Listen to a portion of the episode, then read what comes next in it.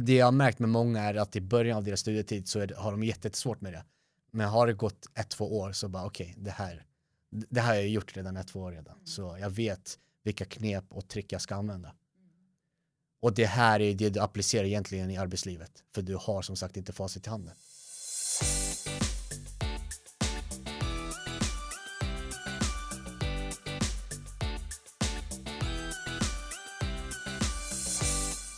Danilo, välkommen hit. Tackar, tackar. Känns det bra att vara här? Ja, definitivt. Tack för att ni har mig här. Ja, härligt. Kul att du ville ställa upp. Absolut. Äntligen får vi intervjua någon. Ja, verkligen. Jag, jag tycker att det känns eh, roligt. De andra avsnitten har vi bara suttit och pratat själva. Exakt. Ja, men jag ser fram emot det, det ska bli sjukt kul. Vi kommer börja med en, äh, men, ganska lätt fråga. Den har inte riktigt så mycket om din utbildning att göra, utan du ska få beskriva dig själv utan att använda ordet jag. Den här har vi testat, det här är jättesvårt. Vi var inte toppenbra på det heller. Så att, äh, vi var katastrofdåliga. Okej, det, det finns en kille som bor i Rönninge. Han eh, är född i Brasilien, flyttade till Sverige när han var nio år gammal. Älskade, spelade basket, eller älskar fortfarande att spela basket. Men insåg i gymnasiet att han var tvungen att satsa på plugget. Och av slump så hamnade han på KTH inom eh, maskinteknik, civilingenjörsutbildningen. Och fem år efter så jobbar han för ett AI-företag som heter Combient Mix. Lite Bra. kortfattat. Jag tror du skötte det bättre än både jag och Amanda på den. Jag tror jag berättade Ja. halva min livshistoria på två, tre meningar. Ja men det är jättebra. Du är ju eh, alumn. Kan inte du berätta vad, vad är en alumn? Eller vad, vad Det- betyder det? Det är väl någon som har eh, gått på KTH och liksom tagit sin examen och nu är ute i arbetslivet och försöker dela med sina erfarenheter med de nuvarande studenter och vad, vad egentligen ingenjör är för något. Mm. För det, det är en fråga man får regelbundet av eh, blivande KTH-studenter. Mm. Mm. Men om vi går tillbaks lite till när du faktiskt gick på KTH. Eh, hur och när insåg du att du ville bli ingenjör? Det är en väldigt bra fråga. Som jag nämnde lite tidigare så var det ganska spontant att jag började på KTH. Mm. Em, eh, när jag växte upp så var jag väldigt, väldigt inne med basket då.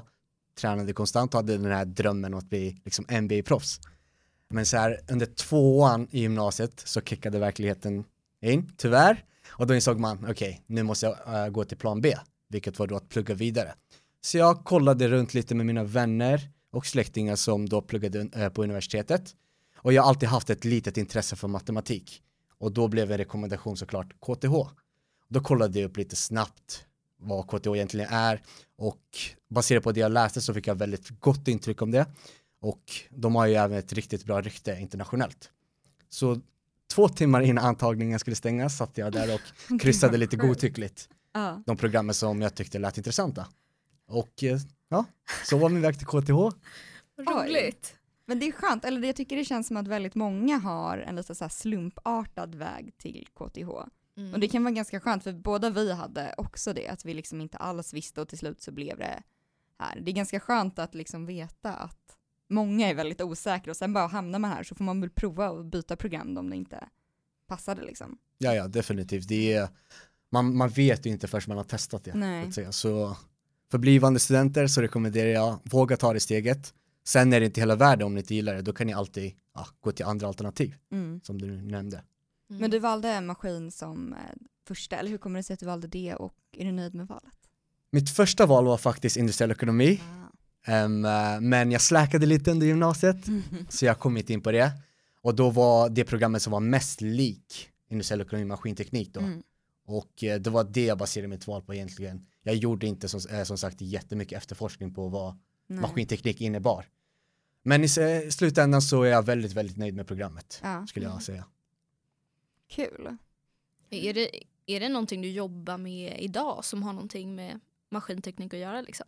Sjukt bra fråga. Eh, det som är bra med maskinteknik är att det är ett väldigt, väldigt brett program. Så Mm. man begränsas inte bara till maskindelen om man säger så. För många tror att om man pluggar maskin så kommer man exempelvis hamna antingen på Scania eller Volvo som Mm. är lite mer liksom maskininriktad. Mm. Men eh, jag valde faktiskt att ta en annan inriktning under min master. Och där valde jag att köra tillämpad matematik inom statistik och dataanalys då, vilket är det jag håller på med just nu. Så Mm. svaret på din fråga är nej, inte riktigt. Nej. Jag håller inte riktigt på med maskiner på så sätt. Mm. Okej.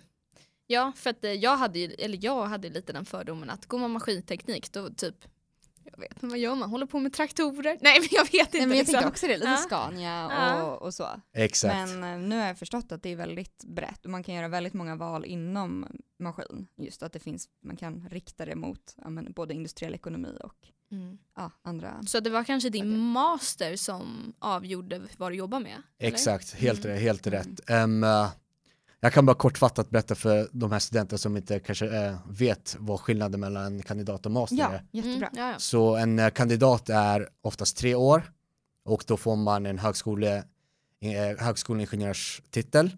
Läser man två år till så får man en masterutbildning också och då, eh, då kan man bli civilingenjör.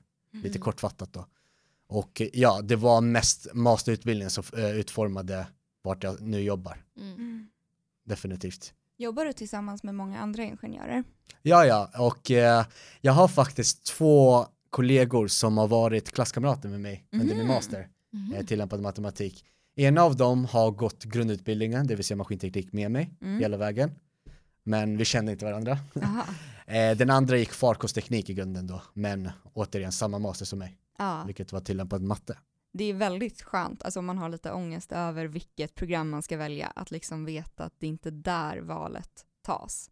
Det är också lite jobbigt tycker jag, för att jag tänkte så här, nu har jag valt program, men jag har ju tydligen jättemånga val framför mig när jag ska välja master och det är egentligen de som faktiskt definierar vad det är som kommer hända sen. Mm. Definitivt. Ja. Sen är det lite så att man sätter sina gränser själva. Det är, Mm. oavsett vilket program du går så kan du liksom byta från bransch till bransch. Mm. Så man blir inte helt låst till en specifik bransch. Ja. Mm. Det är bra att Mm. veta. Väldigt skönt att veta. Det är väl det som, eh, som man säger då på det här svaret på frågan vad, vad gör en ingenjör? Att man Mm. kan göra allting, vilket är ett jätteirriterande svar, för det säger ingenting, men det är också rätt sant. Exakt. Mm. Man brukar ju oftast förknipa ordet ingenjör med en problemlösare. Ja, Och en problemlösare behöver liksom alla företag. mm, precis. Och det är liksom oberoende vilken bransch du är i. Ja.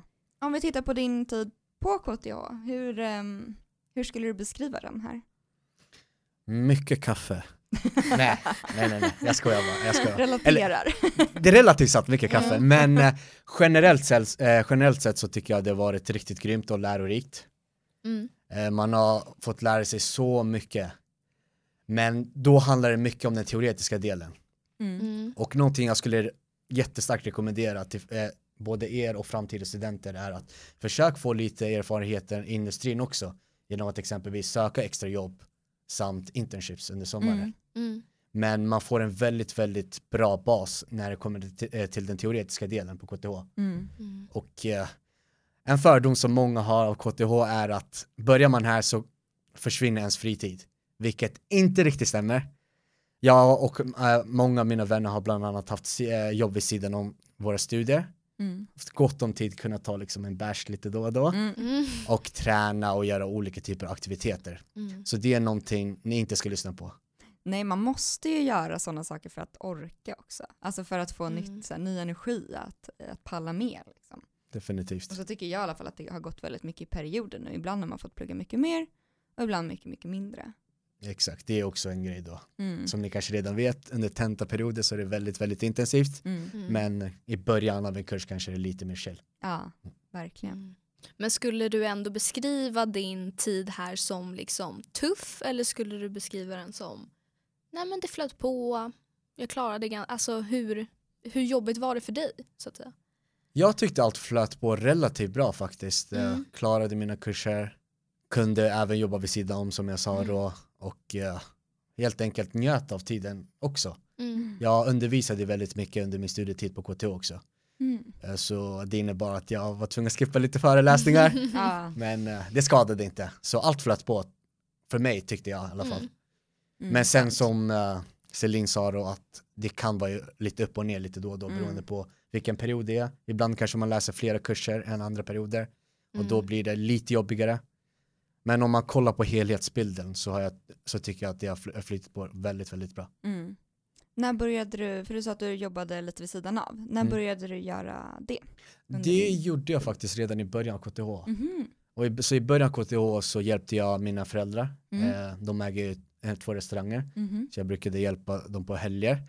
Och i trean, ja det var trean under min kandidat då, så började jag undervisa Mm. I en kurs som heter envariabel analys på KTH och undervisade främst till femte året då. Ah, Okej, Oj. Mm. Yes. så Och, du körde på. exakt, Ja. exakt. Jag älskar att undervisa, det, är- det är riktigt kul. Mm. Jag tror att sådana saker, alltså när man engagerar sig i skolan, då får man ju mer ett sammanhang och då blir det inte bara så här, ja men jag bara pluggar här, utan man har också andra saker som, som ger mycket energi.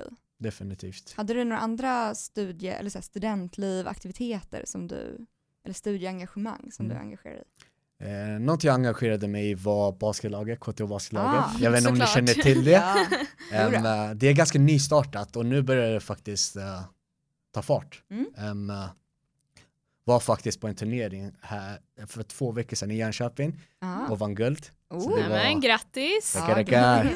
Så det är väl någonting. Och i början av ettan, tvåan då var man lite engagerad i sessionen. Mm. Liksom. Mm. Men utöver det inte så jätte, jättemycket faktiskt. Jag har ju även studerat på SU, Stockholms universitetet, Mm. inom företagsekonomi. Så det höll jag på med vid sidan om också som tog lite tid. Jaha, så du läste dem parallellt? Exakt. Jaha. Oj. Wow. I trean, nej, jo trean började jag på SU. Okej. Men då kanske man ändå kan säga att man, man lär sig verkligen att lära sig som civilingenjör om man kan ta en kandidat lite på sidan av. Ja, Eh, då har man verkligen blivit duktig på att ta in ny information. Och, och apropå det, att lära sig att lära sig. Eh, vi diskuterade det lite innan, att det kanske är det man lär sig de här fem åren. Att lära sig att lära sig fort liksom. Och inte så mycket själva kurserna. Eller hur har du upplevt det, du som är examinerad? jag håller definitivt med dig. Eh, Men jag tror huvudsyftet med KTH är att man, man, ska, man lär sig att lära sig saker inom en väldigt, väldigt kort period. Och det liksom ökar ens självförtroende. För i det verkliga arbetslivet så har man oftast inte facit i handen. Och då måste man ha det här självförtroendet, bara okej, jag kommer kunna lösa det här problemet. Mm. Även om jag inte har svaret direkt. Mm. Men jag vet att ger du mig en vecka, en månad, whatever, så kommer jag kunna lösa det. Och jag tror det är vad KTH handlar om. Mm. Och inte bara lära sig formler och sånt utan till. För det tror jag vem som helst egentligen kan. Ja. Man kan kolla upp sånt hela tiden. Exakt. Men jag tror jättemycket, eller jag känner en stor skillnad i att jag tycker att det är ganska bekvämt, eller jag är inte obekväm i att inte veta allting än, utan jag är såhär, men ge mig lite tid så. Men det där självförtroendet du pratar om. Definitivt. Att för, första kursen, det var en variabel analys Mm. och då var det lite jobbigt när man inte förstod någonting direkt. Och nu så räknar inte jag med att jag ska förstå någonting direkt, utan jag räknar med att jag ska gå hem och, och liksom läsa på och sen förstå det. Och det är ju en stor skillnad. Mm. Exakt. Det handlar mycket om att kunna ta in information på rätt sätt. Mm. Och det som det jag har märkt med många är att i början av deras studietid så är det, har de jättesvårt med det. Men har det gått ett, två år så bara okej, det här det här har jag gjort redan ett, två år redan. Mm. Så jag vet vilka knep och trick jag ska använda. Mm. Och det här är det du applicerar egentligen i arbetslivet. För du har som sagt inte facit i handen. Vad var det du jobbade med nu? Vad var din titel? Eh, ja, min titel är Associated Data Scientist. Associated Data alltså. Scientist. Exakt, det är så Vad kort, innebär det? alltså kortfattat, det är, jag håller på med Artificial Intelligence Mhm. Mm. eh, inom maskininlärning som ni kanske har hört Mm. eller inte. Men eh, det handlar mycket om att kunna använda data för att bygga olika typer av modeller. Och ett, ett enkelt exempel skulle kunna vara att man använder en tidsseriedata på aktiepriser för att kunna förutspå framtida aktiepriser. Mhm. Så ett väldigt enkelt exempel. Mm. Mm. Och sen kan det vara allt från att automatisera bilar. Mm. Mm. Så det är inom den eh, branschen jag jobbar. Vad är liksom definitionen på artificiell intelligens? Definitionen, det, Eller vad, vad liksom, det känns som att det är så brett. jag vet, jag, helt ärligt så kan jag inte definitionen utan till. Det, fin, ja, Men det, hur skulle du beskriva det? det är väl att kunna använda, en- det är väl mer eller mindre kunna replikera en människa med hjälp av en dator. Mm. Ja. Det skulle jag nog säga om jag fick beskriva artificial intelligence i en mening. Sen finns det de här lite mer formella definitionerna Ja, som man kan hitta på mm. nätet och så. Men vi letar efter någonting som känns lätt och, och Mm, och förståeligt. ja, Men som det sagt, låter, ja. Kunna replikera människan med hjälp av Mm. datorer. Mm. När insåg du att du ville jobba med, med det? Eller ungefär i den branschen? Liksom? Det kom också lite spontant faktiskt. Eh, som sagt, jag har ju alltid haft ett intresse för matematik. Mm. Så när jag väl började min master så tänkte jag inte så jätte- jättemycket på vad jag ville jobba med. Eller lite inom kanske finans, för jag, det var det, därför jag började SU också. För jag hade Mm. ett litet intresse för finans då också. Mm. Um, uh, så under mitt femte år när jag gjorde exjobbet så skrev uh, ett rekryteringsbolag till mig angående den här tjänsten där jag jobbar nu då. Och då kände jag så här, okej men jag kan väl gå på de här intervjuerna och se vad får en vibb hur Mm. företaget är och så. Och jag fick ett väldigt, väldigt gott intryck. Det var riktigt sköna människor också. Och då kände jag, men jag, jag kör väl på det. Det, det är Mm. både matte och programmering. Mm. Och det tycker jag är otroligt kul. Så Ja, varför en inte? bra kombination. Exakt. Så det var också lite mer så spontant. Ja. Mm. Om du förklarar bara lite snabbt vad ett exjobb är och eh, ja men ja. Mm. Så att, eh, för det tror jag inte alla vet vad det är. Ja, självklart. Mm. Eh, så ett exjobb är, man kan väl säga att det är det sista en civilingenjör gör under sina fem år på KTH då, eller generellt oavsett vart man studerar. Och då spenderar man ett halvt år ungefär, antingen på institutionen där man studerar, alternativt på ett företag. Man gör ett arbete och, och skriver en eh, ganska lång uppsats. För er som kommer från gymnasiet så är det väldigt likt eh, gymnasiearbete, Mm. fast lite större då. Mm. Ehm, lämnar man in det så får man godkänt och därmed får man sin titel civilingenjör då. Mm. Kändes det, var det en, jag tänker att det kan vara en så väldigt bra grej för att få prova lite arbetsliv fast ändå fortfarande liksom gå i skolan. Ehm, Det, det är Ja. definitivt. Jag fick eh, mycket erfarenheter Mm. med att jag, jag jobbar med, med mitt exjobb. mm. Definitivt. För, man, för det är egentligen ett jobb vid sidan om. Man Mm. går ju till företaget, om man nu väljer det, så har man liksom sina arbetsdagar där man har olika uppgifter man ska utföra.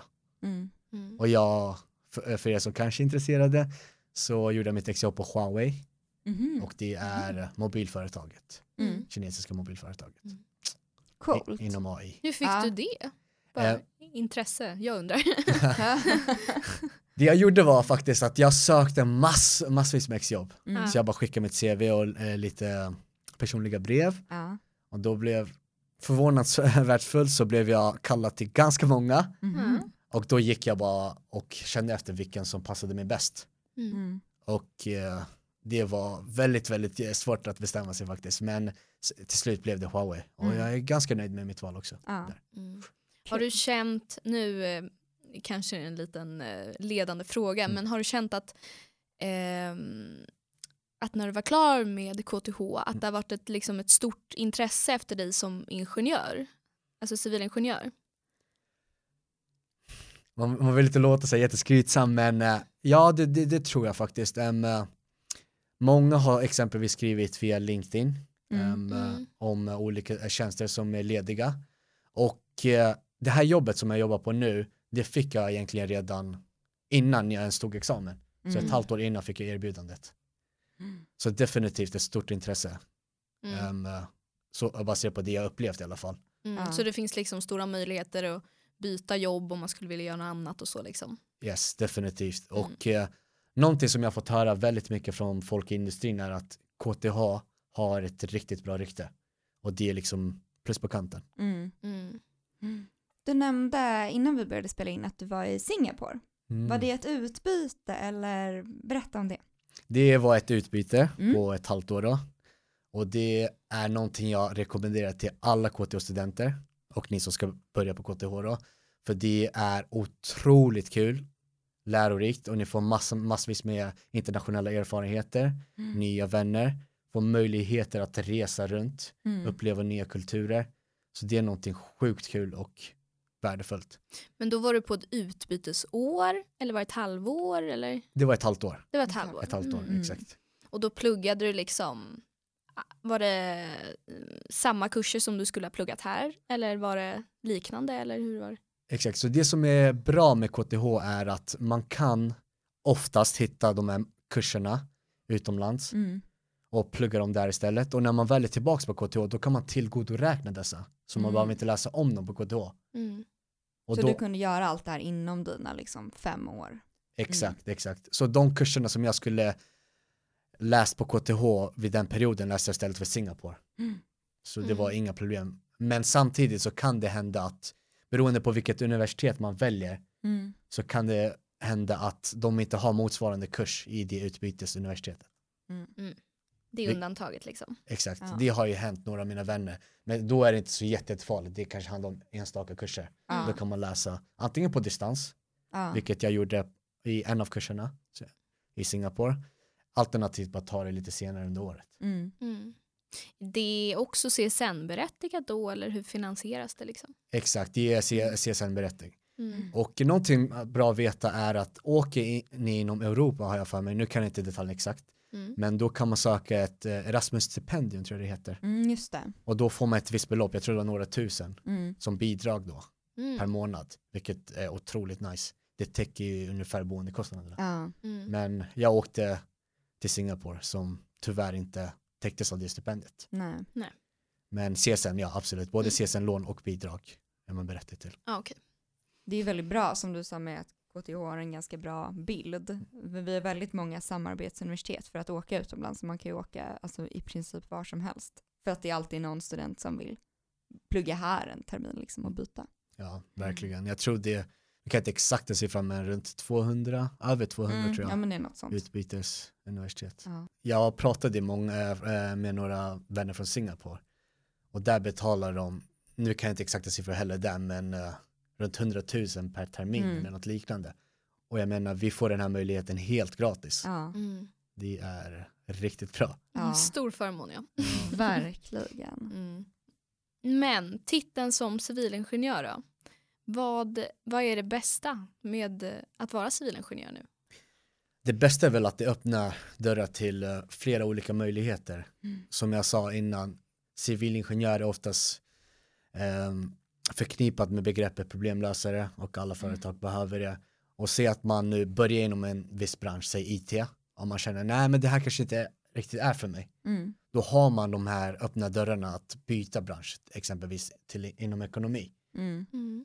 Ehm, det är väl nog det bästa jag skulle säga med att vara civilingenjör. Så känner du fortfarande att du skulle kunna liksom, men, syssla med det du gör nu Mm. och sen bara, nej men nu är jag lite mer sugen på att vända alltså åt ett annat håll. Det tror- tandläkare? Nej jag skojar.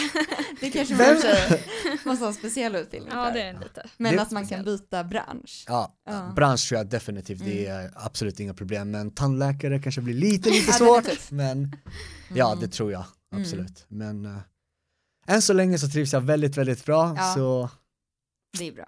yes.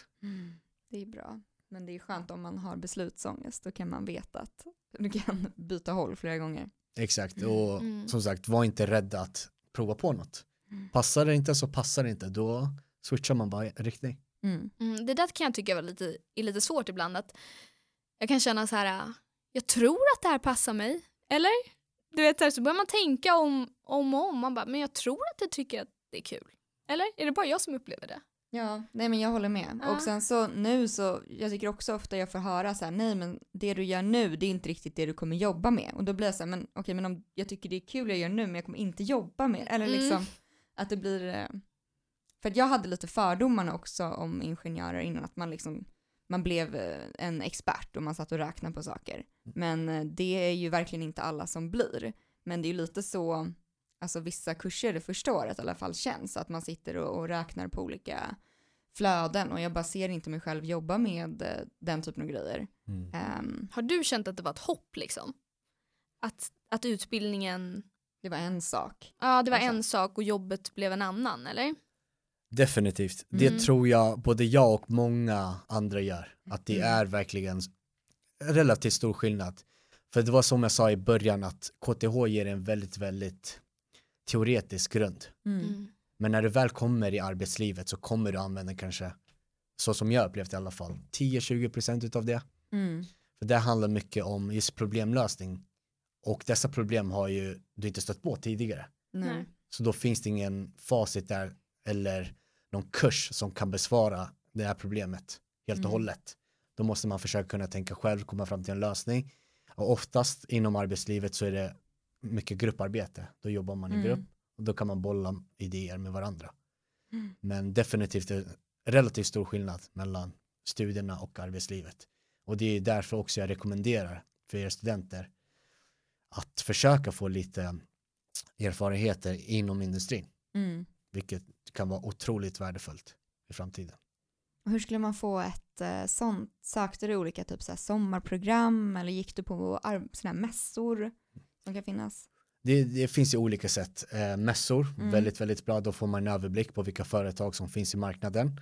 Alternativt bara ta det från huvudet, liksom, vilka s- stora företag finns det? Mm. Då kanske man kan googla, nu vet jag inte, H&M sommarjobb Mm. och kolla om det finns någonting där och så vidare. Mm. Eh, jag personligen gjorde det andra, det vill säga skippade de här mässorna. Jag visste exempelvis att eh, Scania tog emot många maskintek- eh, eh, maskiningenjörer Mm. så jag sökte dit och fick det under mitt fjärde år exempelvis. Em, eh, ja, så det gäller bara att försöka hitta något sätt att Ja. komma fram till de här större företagen. Hur eh, tidigt tror du man kan få ett sommarjobb som liksom är relaterat till utbildningen? Det är väldigt bra fråga. Det där kan variera otroligt mycket från person till person. Mycket handlar såklart om ens personlighet, hur man är som person då. Men det jag tror är att efter tredje året så har man oftast en enklare tendens att få Mm. de här olika extrajobben eller sommarjobben. För då har man ju ändå mer eller mindre en kandidatgrund. Ja. Men eh, samtidigt så känner jag folk som har liksom fått ganska bra jobb eller relevant jobb till sin utbildning redan i ettan. Mm. Så det, det kan också handla om lite tur. Ja. För att, nu vet jag inte om det är sant, men jag har hört från eh, de här stora företagen, de får ju tusentals ansökningar. Så det Mm. första filtreringsprocessen är att de bara random tar bort några. Mm. För de hinner inte gå Ja, igenom. de tog bara bort helt. Exakt, Ja. för de kommer omöjligt hinna gå igenom Ja. alla ansökningar. Ja. Så då har man kanske ett utval på 100 pers och där kanske man kollar lite mer detaljerat. Mm.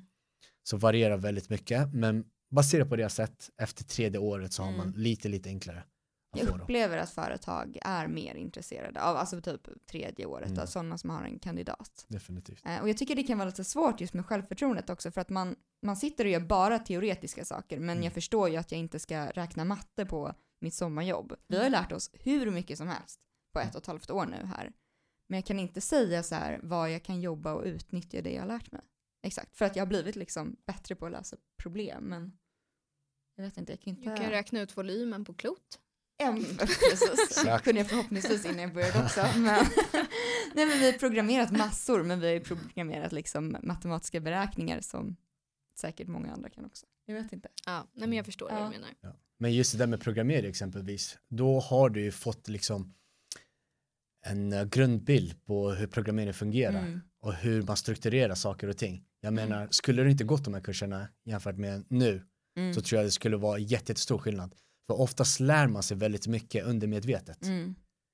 Så när, när jag väl ställer frågan direkt, vad har du lärt dig? Då kanske du inte kan besvara Nej. den. Men säg att jag ger ett projekt och vi Ja. har en Celine som har gått de här programmeringskurserna, en som inte har gjort alls. Ja. Det, då kan jag nästan lova dig att ja, det skulle nog vara en skillnad. Jag tror man bara måste ha lite självförtroende och våga kasta sig ut. Jag kan känna att det är lite läskigt att, att söka ett sommarjobb som har kanske då med programmering som jag tycker är kul att göra för att jag känner att jag vet inte hur man gör det på riktigt. Alltså jag kan, Mm. inte, jag kan inte göra Det känns en... som man skulle sitta där och bluffa.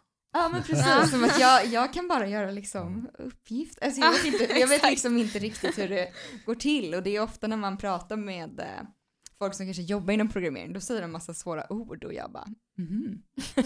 det, är- det är väldigt typiskt. Jag kan inte det där. Så blir man så här, nej men gud har jag lärt mig något? Men jag tycker inte ni ska vara, vara rädda för det. det. Se det här som en eh, möjlighet att lära er istället.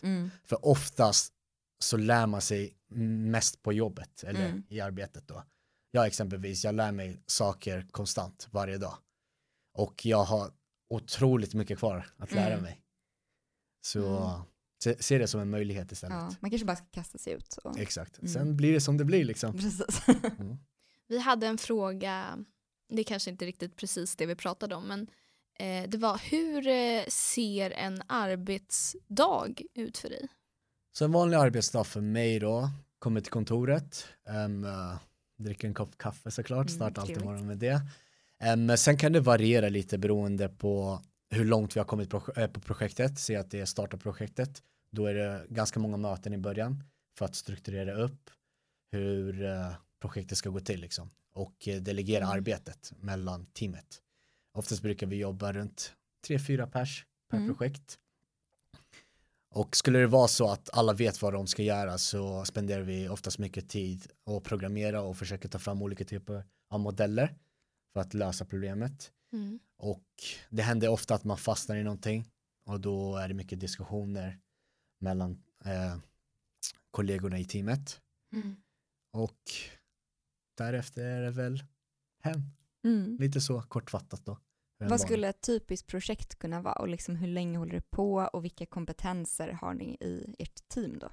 Det är det som är så nice med det här företaget för uh, just i Comet så har vi samarbete med 30 eh, företag i Norden då, bland de 30 största, exempelvis SEB, Atlas Copco, mm. Ericsson och så vidare.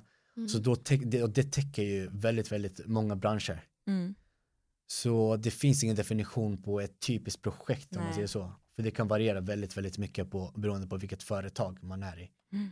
Men ett exempel skulle kunna vara att man bygger en modell för att uh, förutspå hur mycket de kommer sälja exempelvis mm. nästa månad. Mm. Så en prediktiv modell. Det skulle mm. kunna vara ett projekt. Och vilka är ni i teamet då som jobbar med det här? Eh, det är oftast ingenjörer, eller i och för sig, det är ganska blandat faktiskt i vårt mm. företag. Vi har eh, en del doktorander, en del civilingenjörer, biologer till och med, mm. um, fysiker. Så det är, det är väldigt blandat faktiskt mm. i vårt företag. Men på ett projekt liksom, mm. har alla ni, om ni är fyra stycken, mm. har alla ni olika kompetenser? Eller alltså kan ni olika saker? Ja, det skulle jag nog säga, men samtidigt så har vi en del överlappade kuns eh, kunskaper också, för jag menar vi har valt att inrikta oss inom maskininlärning. Mm. Mm. Så det är både ett ja och nej, eh, ja och nej svar där. Mm. Och sen kan det ju vara så att vissa människor är bättre på att programmera medan andra kanske är bättre på att komma på själva lösningen, det vill säga mm. matematiska delen. Mm. Så på så sätt ja. Men återigen, det finns överlappade kunskaper också. Ja. Vissa saker man måste kunna kanske. Exakt. För att kunna förstå. Mm. Exakt. Mm. Om du skulle få ett försök till här på att svara med några meningar på vad gör en ingenjör? Hur skulle du koka ner det? är det lika svårt som den här jag-grejen? Ja, men typ lite så. Nej men, det ingenjör gör är inte entydigt. Alltså kortfattat, vad ingenjör gör är att en ingenjör är en problemlösare. Mm. Så en ingenjör kan ta fram prediktiva modeller för att exempelvis förutspå vad aktiepriset kommer vara nästa månad. Den kan även bygga coola bilar som den senaste Tesla Cybertruck. Men den kan även lösa stora miljöproblem. Jag tyckte att det var en väldigt bra sammanfattning vad en ingenjör eh, faktiskt gör. Jag går ju ändå här nu på KTH och jag känner att jag inte riktigt har fått den bilden klart för mig själv än. Mm. Um, så det är skönt att höra från någon som liksom redan är klar här hur du skulle beskriva det. Och med det sagt så tror jag att vi rundar av eh, dagens avsnitt och hälsar alla en god jul kanske. Ja, jättekul att du kom hit. Stort tack. Tack för att ni har mig här och jag önskar uh, nuvarande och framtida studenter en lycka till och ha en god jul på er också. God jul! God jul!